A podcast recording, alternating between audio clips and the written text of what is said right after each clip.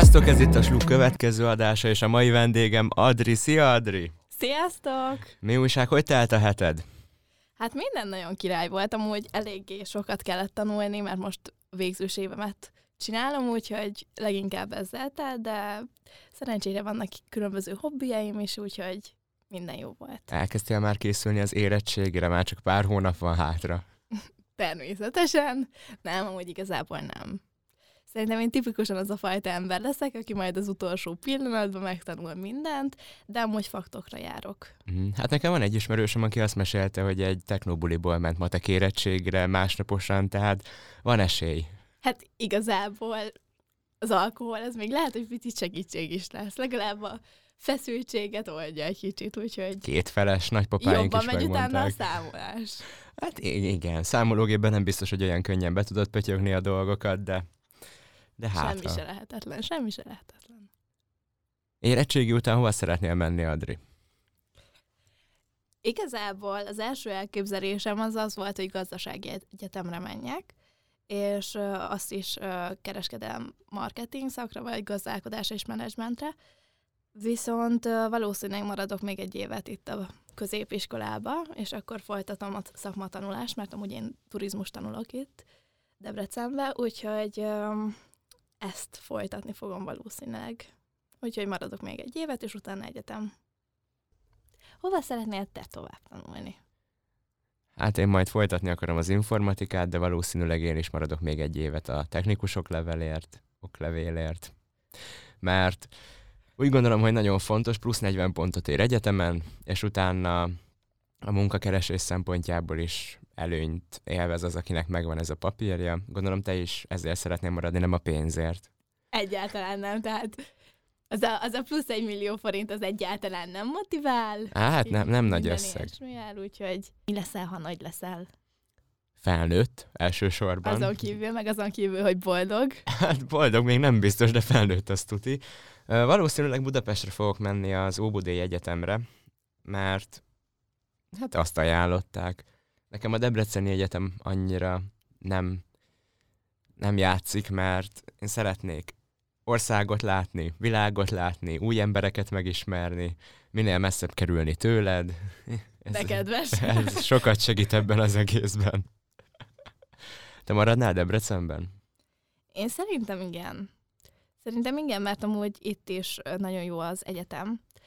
És nem tudom, nekem ez a Pest ez nem annyira nagy szerelem, mint amennyire gondoltam elsőnek, és mivel nekem ez csalódás volt, ezért így nem is ott képzelem el az életemet, úgyhogy, úgyhogy igen. Igen, meg sokkal egyszerűbb, hát itthon vannak, az, itt vannak a szüleid, nem kell albérletet fizetni, kollégiumot. Igen. Ez elég nagy összeget megtakarít egy hónapban a pénztárcádnak. Bár, ha megkapod az egy millió forintot, abból lehet élni Pesten is. Nyilván, de azt azért jobb lenne eltenni, bár mondjuk ezt neked mondhatom. Én, én nagyon tudok spórolni, nem tudom, miről beszélsz. Nagyon, igen. Hát a podcastek bevételét is mind zsebre rakom, azt a nulla forintot. Azt a, azt a bevételt, ami a négy emberből származik, aki megnézi. Négy. Anyukám, apukám, én meg kétszer. Tehát ennyi. Um, Kezdésnek elég jó.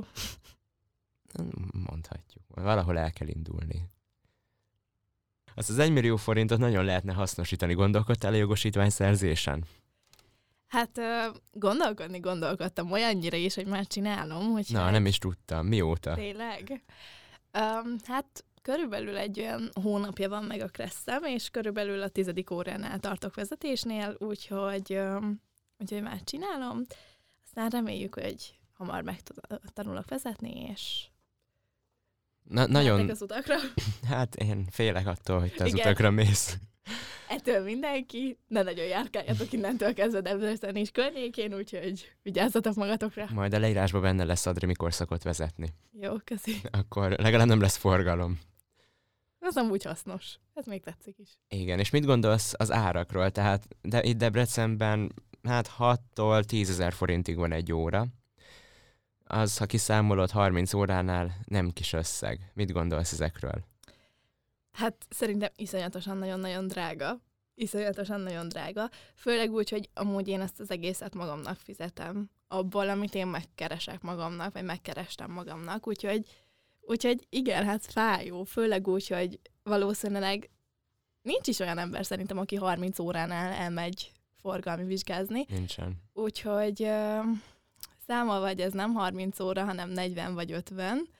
Így, hát igen. Vi- viszont 400 ezret körülbelül rákölt az ember, aki most akar jogsit csinálni, viszont valamikor meg kell csinálni, úgyhogy nem hiszem, hogy jobb lesz a helyzet egy pár év múlva. Hát ez a 400 ezer forint szerintem csak nőni fog. Ha, ha, ha azt megnézem, hogy egy pár évvel ezelőtt még 300-350 ezerből meg lehetett csinálni a jogosítványt, Viszont ha azt nézzük, hogy ez egy életre szól, hogyha vigyázol rá, nem szeged meg úgy a szabályokat, akkor egész életedre lebontva ez a 400 ezer forint egészen alacsony összeg.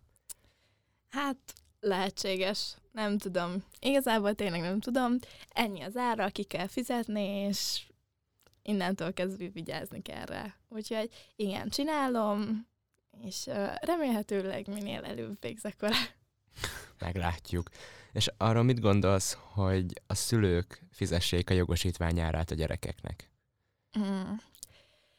Igazából nálam ez fel sem merült, és nem apáik részéről nem merült föl, hanem az én részemről nem merült föl. Én szeretek önálló lenni, én szeretek magamnak venni dolgokat, én szeretem magamat finanszírozni. Szeretsz ülni a pénzen? Igen, ez így van. Ö, Sanyával ellentétben én iszonyatosan spórolós típus vagyok, tehát ö, bocsi, tényleg. Semmi baj. Ö, szóval, hogy igen, én nagyon szeretek spórolni, és én nagyon szeretem magamnak ö, megteremteni a dolgokat, és szerintem nem feltétlenül baj, hogyha amúgy a szülő segít, mert ha megteheti, hát tegye meg. Viszont ö, inkább azzal van szerintem a baj, hogy nagyon sok gyerek úgy gondolja, hogy ez alanyi jogon jár neki, és mivel ezt szokta meg, ezért ezt tartja normálisnak, amikor ezben ez egy abszolút nem normális, hogy, hogy tényleg ennyi pénzt fizessenek a gyerekeknek. Meg igazából nem, nem értékelik így a pénznek a súlyát, az se, hogy ez mennyi idő, energia, hogy ezt megteremtsék, és igazából szerintem ezzel van a probléma, de hogyha megteheti, akkor mindenkinek a saját joga eldönteni, hogy szeretné-e így támogatni a gyerekét, vagy nem. Szerintem, hogyha megteheti valaki, akkor nyugodtan támogassa, hogyha a magyar fizetésekhez viszonyítjuk, akkor körülbelül ez egy, hát majdnem két havi fizetés, ha a bruttó átlagkeresetet nézzük, és nem kis összeg. Viszont a magyar középiskolások körülbelül 30%-a jár külön tanárhoz és tanórán kívül, ami hasonló kiadást jelent, és ott is már 5000-től 10 forintig órák vannak az óraárak, ami egy kémia, biológia emelt érettségére való felkészítésnél 15 ezer forint is lehet egy órában. Viszont ha a gyerek jövőjéről van szó, akkor szerintem ez az ár meg fog térülni. Ugyanúgy, ahogy az, az is, hogy valaki elmegy egy másik városra tanulni, városba tanulni, és azt finanszírozzák a szülők. Persze, amúgy nekem a testvéreim is jártak folyamatosan magántanárokhoz, én amúgy nem, és ez amúgy érdekes, de valahogy így sose kerültem oda, hogy kelljen, de majd lehet érettségi előtt elmegyek egyszer-kétszer. Szóval, hogy amúgy ezt én nem tartom rossz dolognak, hogy a gyerek járjon magántanárhoz, ha tényleg szüksége van rá, és nem tudja magától megtanulni az anyagot. Hát igazából biztos, hogy megtérül, hogyha, az elég, hogyha egy gyerek elég kitartó, és, és úgy gondolja, hogy tényleg azt csinál, ezt fogja tanulni, amit szeretne. Úgyhogy jó döntés szerintem tanárhoz vinni a gyereket, csak hát igen, sok pénz. De igazából minden sok pénz, úgyhogy... Hát igen, igen. Nekem azt mondta egyszer egy tanárom, mondjuk ezt, hogy a Magyarország legnevesebb iskoláiban a gyerekek 90%-a magántanárhoz jár, és hogy így könnyű magas színvonalat hozni az oktatásban. Amúgy ezzel amúgy én abszolút egyetértek, mert hogyha már olyan ö, szülőknek a gyerekei járnak oda az iskolába, akik orvosoknak, ö, ügyvédeknek, bíróknak, meg minden ilyen rangos ö, szakmának a gyermekei, vagy úgy, hogy mondjam, akkor ö, már bennünk van eleve ez a megfelelési kényszer, hogy akkor nekem is ilyen jónak kell lennem, nekem is legalább ennyire kell teljesítenem, és ott biztos, hogy van egy olyan fajta szülői nyomás, ami ösztönzi a gyerekeket, hogy igen, neked ebbe kell lenni, a legjobbnak kell lenni, csinálja, tanuljál, és minden ilyesmi. Hogyha elmegyünk egy kisiskolába, vagy elmegyünk falusi iskolákba, itt nagyon-nagyon-nagyon sok olyan gyerek jár, akinek például a szülei mondjuk nem tudom, nyolc általánost végzett, vagy esetleg érettségiük van, azoknak az embereknek szerintem nem is lesz, vagy azoknak a szülőknek nem lesz fontos az, hogy a gyereke az mindenképpen egyetemet végezze, mindenképpen valami olyan szakmát csináljon, ami ilyen jól fizető, vagy, vagy tényleg ilyen rangos. Úgyhogy abszolút egyetértek azzal, hogy, hogy ott nem, ott nem, biztos ott is nagyon nagy kihívás, de szerintem fele annyira sem, mint hogyha tényleg egy olyan közegbe lenne a tanár, ami, ami egy hátráltatás. Nem értek most veled egyet, mert hogyha egy gyermek egy alacsonyabb életszínvonalon nő fel, akkor ben, jobban benne van szerintem az a vágy, hogy kitörjön. Mert hogyha magasabb életszínvonalon nő fel, akkor a szülők elvárása, hogy a társadalmi normáknak megfeleljen, mert a másik, a belgyógyász orvos és a belgyógyász orvosnak is kitűnő a gyereke, akkor az én gyerekem is kitűnő lesz, Viszont amikor egy alacsony életszínvonalon nősz fel, ahol nincsenek meg azok az elvárások, de te látod, hogy hogy élnek a szülők, és hogy élsz te, akkor benned lehet az a vágy, hogy, hogy te magasabbra akarsz törni, te diplomát akarsz, mert te látod, hogy ez működik, mennyi diplomás ember jól él, ti meg nem. Persze, amúgy ez is nagyon-nagyon sok helyen előfordul. Én most igazából pont azokra gondoltam, akik, akik úgy vannak vele, hogy, hogy nem kell elmennem dolgozni, nem kell csinálnom semmit, mert úgyis jön minden hónapban a segély, úgyis a magyar állam támogat minket, valamennyivel nyilván nem sok pénzről beszélünk, de minél több gyereket szültök, annál több pénzről beszélgetünk, úgyhogy Úgyhogy nyilván benne van, és nyilván sok embernek benne van, csak szerintem itt ennek az a buktatója, hogy hogyha mondjuk, hogy lehet, hogy a gyerekben benne van az, hogy, hogy igen, én szeretnék, viszont nem biztos, hogy megkapja azt a támogatást, és most nem anyagi támogatásra gondolok, hanem maga így szellemi támogatásra, hogy, hogy nem biztos, hogy megkapja azt a szülőtől, hogy, hogy igen, tényleg csináld, és most jó ez, amit mondtál, az tényleg így van, hogy, hogy biztos, hogy nagyon sokszor van az, hogy pont ők nyomják, hogy igen, fiam, te ne éljél úgy, ahogyan én éltem, viszont szerintem nagyon sokan belenyugszanak a sorsukba.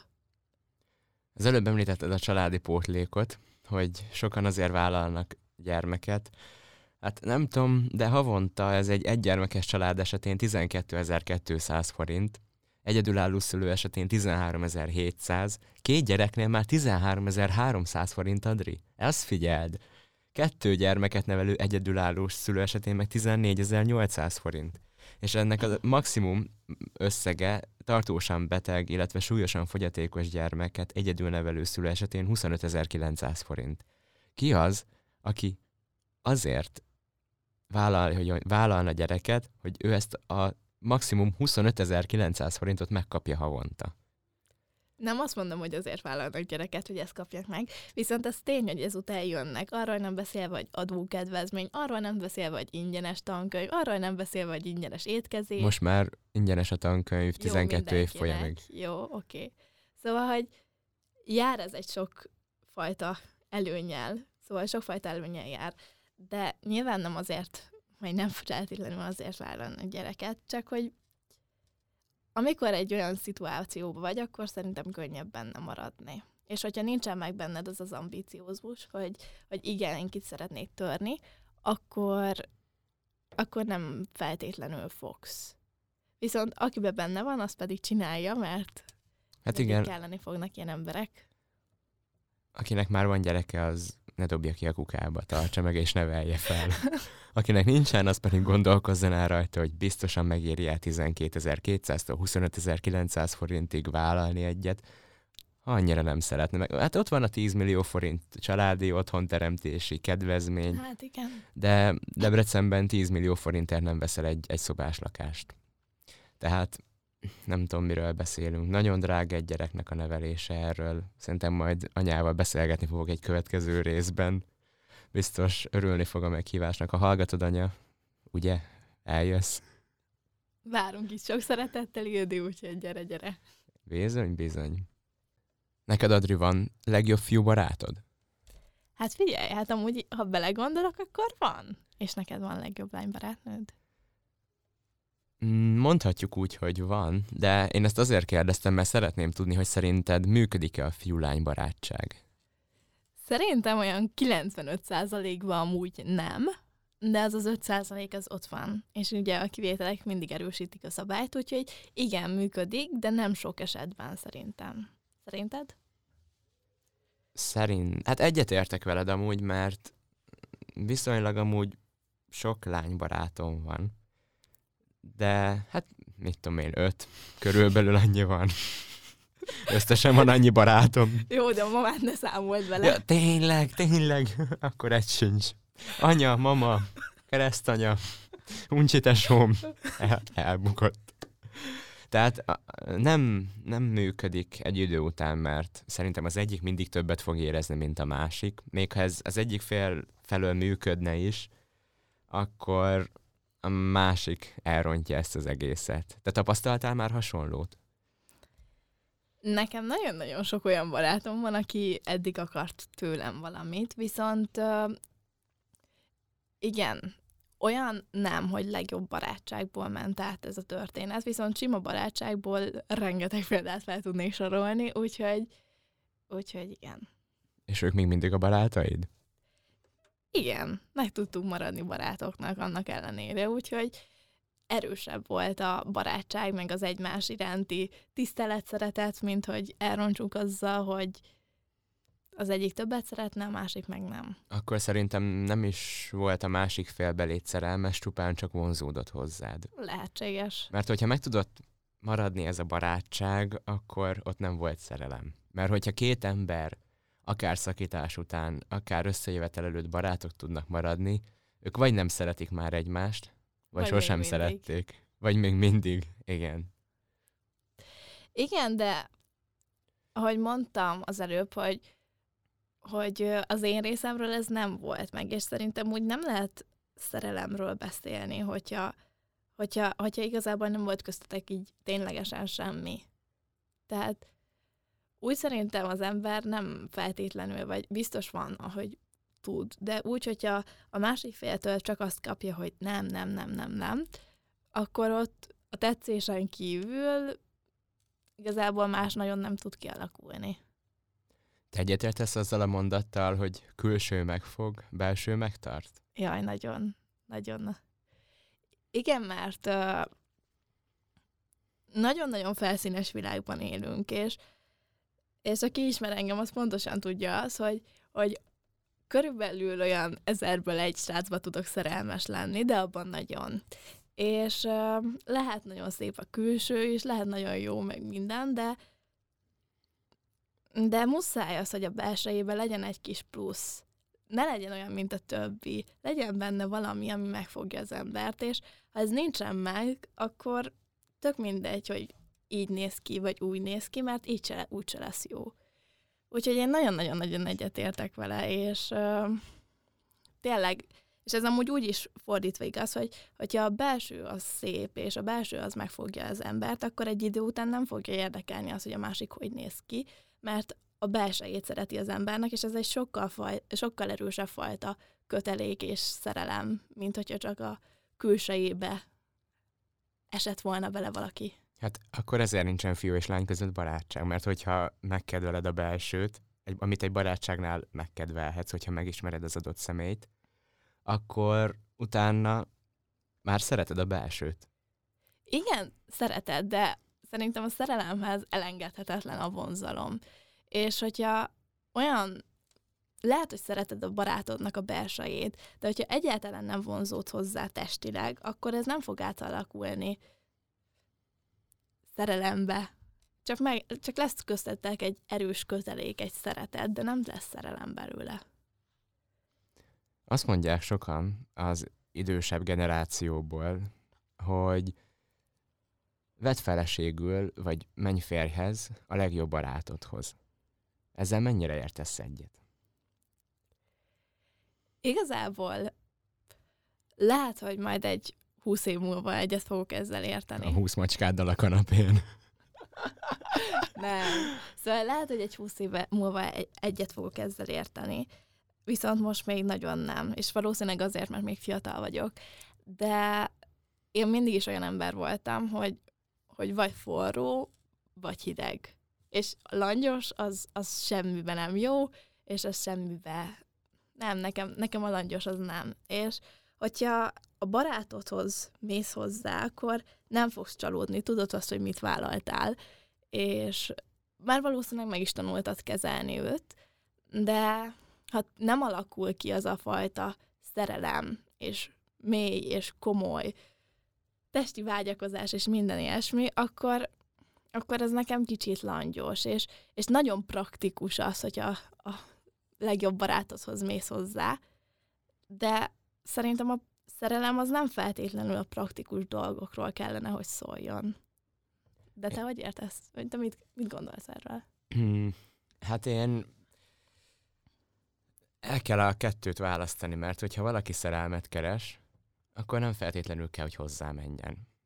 Viszont, hogyha családot akar valaki alapítani, akkor igazából praktikus lehet a legjobb barátjához hozzámenni, mert szerintem, hogyha már az évek alatt megtanultad őt kezelni, tudod a gyengeségeit, a szeszélyeit, akkor egy sokkal jobb társi kapcsolat jöhet létre.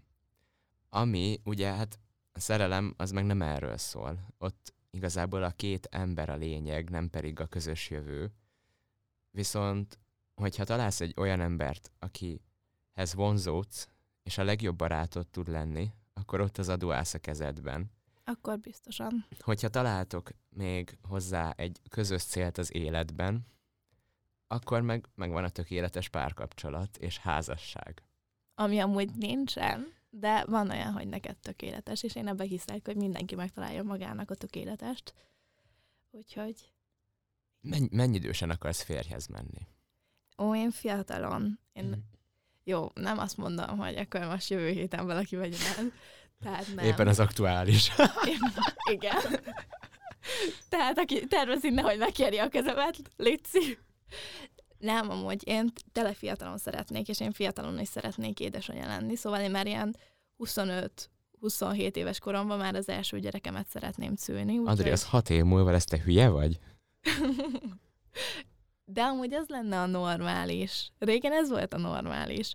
Ha most belegondolok, hogy a dédi mamám 18 évesen ment férjhez, akkor az a 27 éves, vagy 25, amikor én tervezek szülni, az azért az, na.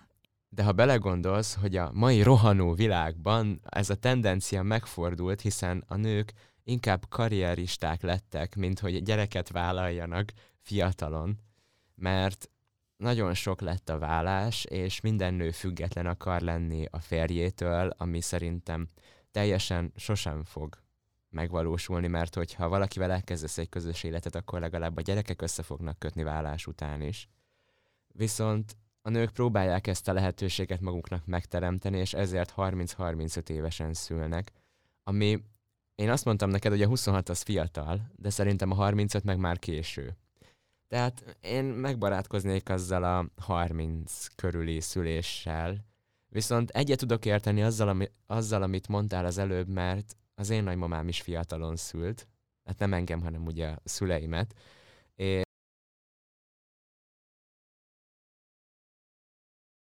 és, és azért jó azt látni, hogy, hogy viszonylag ő fiatalon nagymama, és még van arra lehetőség, hogy simán a déd unokáival is találkozni fog, és ismeri őket, és látom rajta, hogy, hogy már abban a korban teljesen átértékelődik ez az egész, mert az unokák meg a gyerekek lesznek a mindenek, és hogyha nem hív fel az unoka, akkor szomorú vagyok, ha nem látogat meg, szomorú vagyok, viszont ha meglátogat, akkor én vagyok a világ legboldogabb embere, és ezért viszont jó lehet korán szülni.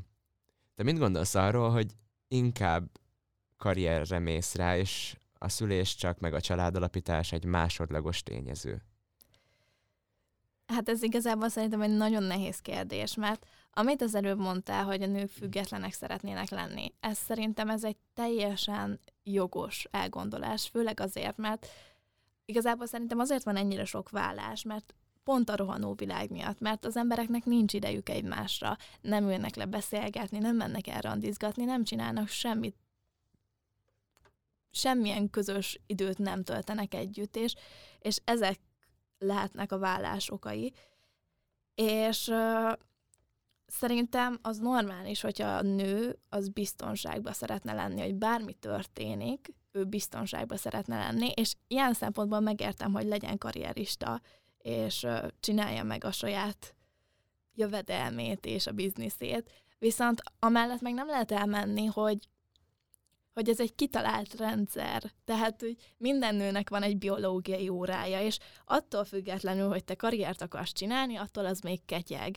És a női test az nem arra lett tervezve, hogy majd 40 évesen, meg 45 évesen szülök egy gyereket, mert mert akkor már késő lesz, és lehet, hogy úgy vagy vele, hogy majd megcsinálod a karriert, és utána majd jönhet a gyerek, viszont nekem rokonaim is vannak, akik ezt az utat választották, és évek óta próbálkoznak ilyen-olyan kezelésekkel, Lombik Baby programmal és minden ilyesmivel, és évek óta nem jön nekik össze, mert kifutottak az időből. De említetted, említetted az anyagi biztonságot. Ha, ahogy mondtad, 25-26 évesen te szeretnél gyereket, és lehet, hogy még sokan mások is így vannak vele, viszont 20 éves leszel, mire megkapod az érettségi bizonyítványodat. Maradsz egy évet, technikumon 21. Elmész egyetemre, 25 éves leszel, mikor kijössz az egyetemről, és neked még nincsen lakásod, nincsen autód, és lehet párod se lesz, de te már gyereket akarsz. Ez csak egy elgondolás, és teljesen jogos. Teljesen jogos, és el sem tudom képzelni, hogy a szüleink, meg a nagyszülők ezt, ezt hogy oldották meg, hogy csinálták, de valahogy megoldották, és a, a szüleimre gondolok, ők is egyetem mellett dolgoztak, diplomamunka mellett már gyakorlatilag ott voltunk, vagy hát én nem, de a testvérem igen, és megoldották, és hogyha ők meg tudták oldani, akkor valószínűleg mi is meg fogjuk tudni oldani. Nyilvánvalóan nehéz lesz, és egy rögös út, viszont nem lehetetlen. Viszont ott a sokak által emlegetett csok. Így van. hát nekem is apukám már 18 évesen dolgozott. Ő fizette ki a nagymamámnak a hitelét, ő segített be mindennek, és ő egyedül építette fel a semmiből, amit eddig elért.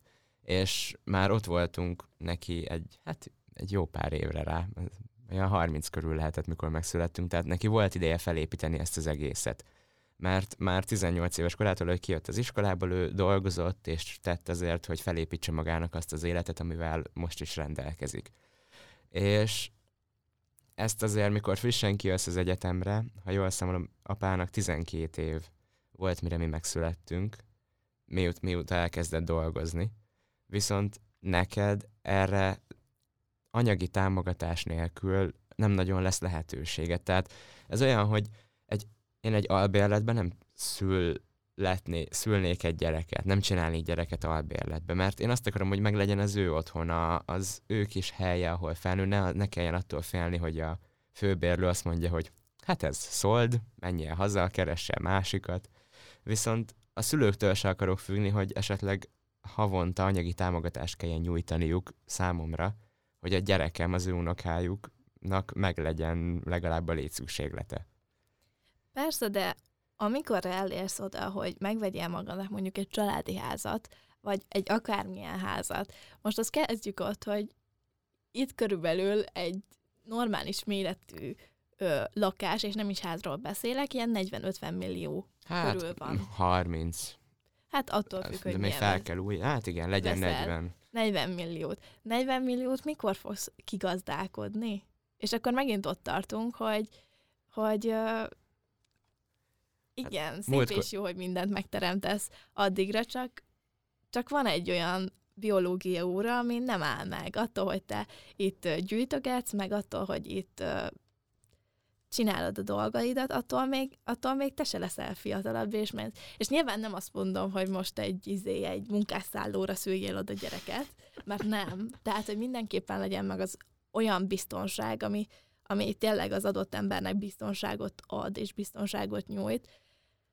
Viszont amikor kitermeltek mindent, ami kell, a kocsira, a házra, a tényleg bármire, addigra már gyakorlatilag a fél életet teket dolgozással és, és gyűjtögetéssel történé, töltöttétek, és igazából csak azután kezdhetitek el ezt a procedúrát, ami nem rövid procedúra. És azt se felejtsük el, hogy hogyha 40 évesen szülsz, akkor 60 éves leszel, mire a gyereked elballag a középiskolából. Jó, mondjuk ez tényleg durva. Gondolj már bele, hogy 60 éves leszel szülőként, mire a gyereked megkapja az érettségit. Az azért ez nagyon-nagyon kemény szerintem. Hát ez tényleg durva. Említetted, hogy a 40 milliót hogyan gazdálkodnák ki az emberek, mire megszületik a gyermekük. Hát pont a legutóbbi podcastünk témája volt, nem voltál sajnos jelen, a szerencsejáték, és azért egy nagyobb összeget, ha felraksz a pirosra, azért az ott, ott azért nagyot lehet kaszálni. Nagyot is lehet bukni, igaz? Én nem tudom, nekem ezeket csak mind mesélték. Én tegnap is el, mhm. a múltkori adásban is elmondtam, hogy, hogy nem, nem tudok sajnos e- ez ügyben nyilatkozni.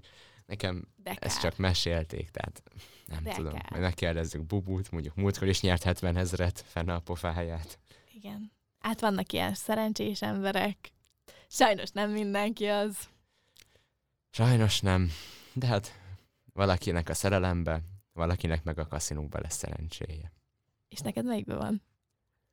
Nekem a szerelemben. Mert a kaszinóban nagyon nem.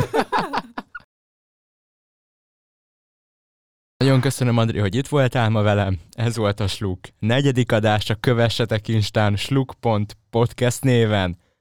Jövő héten találkozunk. Sziasztok! Na, bye.